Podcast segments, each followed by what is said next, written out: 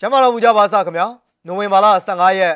မနက်ခင်း10:00နာရီထိနောက်ဆုံးရရှိတဲ့သတင်းတွေကိုတင်ဆက်ပေးပါတော့မယ်ကျွန်တော်ဝေးရမှာဗိတ်တဝဲကာလာမကြီးပေါ်မှာရဲကအပြစ်ခံရပါတယ်တောင်ကြီးမြို့ကနေလွိုင်းကောကိုစစ်ကားအစီး20နီးပါးဆင်းသွားတယ်လို့ဒေသခံတွေကပြောကြပါတယ်ခင်ဗျာစစ်ကောင်စီတပ်သားတစုကတီးတိန်သူကိုအထမကျင့်တယ်လို့ပျောက်ကြားတပ်ဖွဲ့ကထုတ်ပြန်ပါတယ်ခေဦးမှာတော့စစ်ကောင်စီတပ်ဖွဲ့တွေကလူမှုကူညီရေးအသင်းအလှငွေတွေကိုယူဆောင်သွားကြပါတယ် ဒီသတင်းတွေနဲ့ဒီဒီကနေ့မနက်ပိုင်း10:00နာရီထိနောက်ဆုံးရရှိတဲ့သတင်းတွေကိုတင်ဆက်ပေးမှာပါခင်ဗျာပထမဆုံးအနေနဲ့တင်ဆက်ပေးခြင်းတဲ့သတင်းတစ်ပုဒ်ကတော့တင်းနိုင်တိုင်းဗိတ်တဝဲလမ်းမကြီးပေါ်မှာနိုဝင်ဘာလ23ရက်မနက်ပိုင်း7:00နာရီလောက်ကရဲကားတစ်စီးမိုင်းထိပြီးတော့ပြစ်ခတ်ခံရကြောင်းဒေသခံတွေကပြောကြပါတယ်အဲ့ဒီဖြစ်စဉ်ကတော့ဗိတ်တဝဲကားလမ်းမကြီးပေါ်မှာရှိတဲ့ကတွဲရွာအနီးမှာဖြစ်ပွားခဲ့ပြီးတော့ရင်နှဲငယ်ပျက်စီးခဲ့တယ်လို့သိရပါတယ်။မိုင်းတီဗီပြစ်ခတ်မှုနှဲငယ်ဖြစ်ပွားခဲ့တာဖြစ်ပါတယ်လို့ဒေသခံတို့ကပြောပါတယ်။ အဲ့ဒီပြစ်ခတ်မှုကြောင့်ရင်အစည်းရေ90ခန့်ပိတ်ဆို့မှုဖြစ်ပွားခဲ့ကြောင်းလည်းသိရပါတယ်ခင်ဗျာ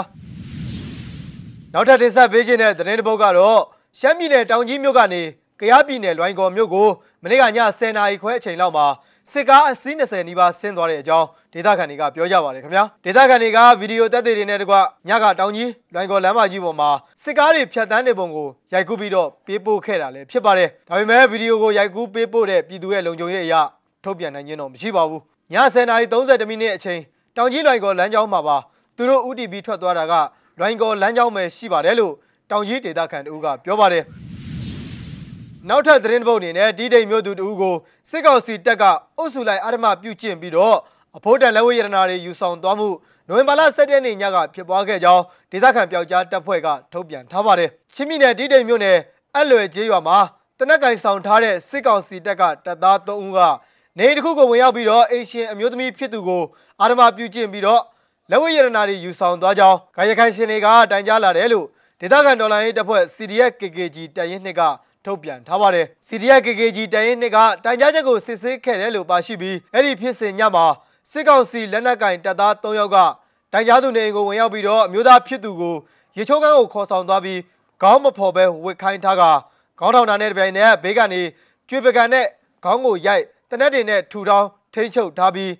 မိဖွားထားတာတလခွဲလောက်သာရှိသေးတဲ့အသက်28နှစ်အရွယ်အိရှင်အမျိုးသမီးကိုမရိမှုကျူးလွန်ခဲ့တာလည်းဖြစ်ပါတယ်။အဲဒီနောက်မှာတော့ည7:00နာရီကျော်လောက်မှာစစ်ကောင်စီစစ်သား2ယောက်ထပ်မံရောက်ရှိလာပြီးဒုတိယကြိမ်ပြုကျင်းခဲ့ပြီးတော့အိရှင်အမျိုးသမီးဖြစ်သူရဲ့လက်ဝဲလက်စားတွေကိုပါချွတ်ယူသွားခဲ့တယ်လို့ထုတ်ပြန်ချက်မှာပါရှိပါတယ်။စွစကန်ရသူတို့ရဲ့အမည်နဲ့ကိုပိုင်အမှတ်တွေကို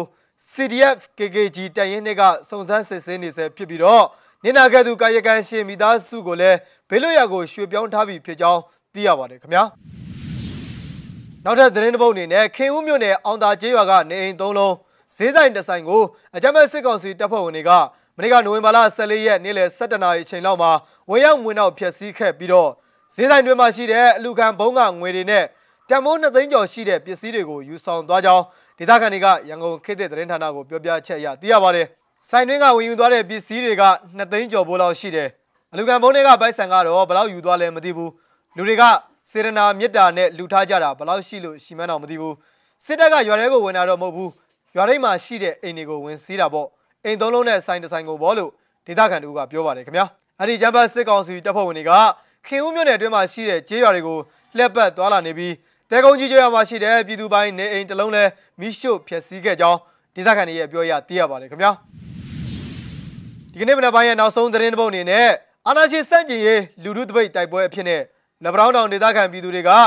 ဖက်စစ်စစ်ကောင်စီကိုပြည်သူတရက်ခွဲမှာစီရင်ဖို့သာငါတို့အလိုရှိတယ်ဆိုတော့ကြွေးကြော်တန်တဲ့ဒူဆန္ဒပြခဲ့ကြပါတယ်ဒီရုပ်သံပိုင်းကိုလည်းကျွန်တော်တို့ကြည့်ရှုကြရအောင်ပါတော်လာမောလာစစ်ကြုံခါလာတော်လာမေဟေတော်လာမေဟေတော်လာမောလာစစ်ကြုံခါလာတော်လာမေဟေတော်လာမေဟေခွာလိုချင်လားဒီမိုကရေစီခွာလိုချင်လားဒီမိုကရေစီ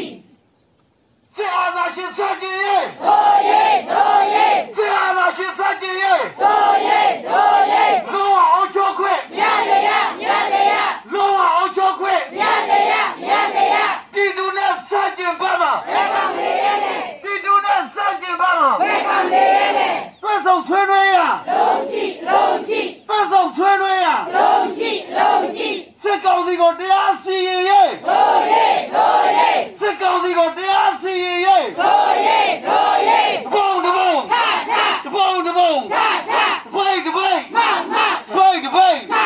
အရေးတော်ပုံအောင်ရမည်အောင်ကိုအောင်နေပြီအရေးတော်ပုံအောင်ရမည်အောင်ကိုအောင်နေပြီဒီမိုကရေစီအရေးတော်ပုံ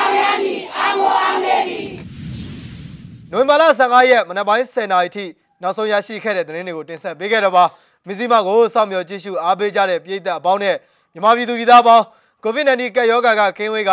ဆီယနာရှင်စနစ်ဆိုးလက်အောက်ကအမြန်ဆုံးလွတ်မြောက်ကြပါစေကြောင်းဆုမွန်ကောင်းတောင်းလိုက်ရပါတယ်ထူးခြားတဲ့သတင်းတွေနဲ့အတူကျွန်တော်တို့မကြခင်မှာပြန်လည်ဆုံတွေ့ကြပါမယ်ခင်ဗျာ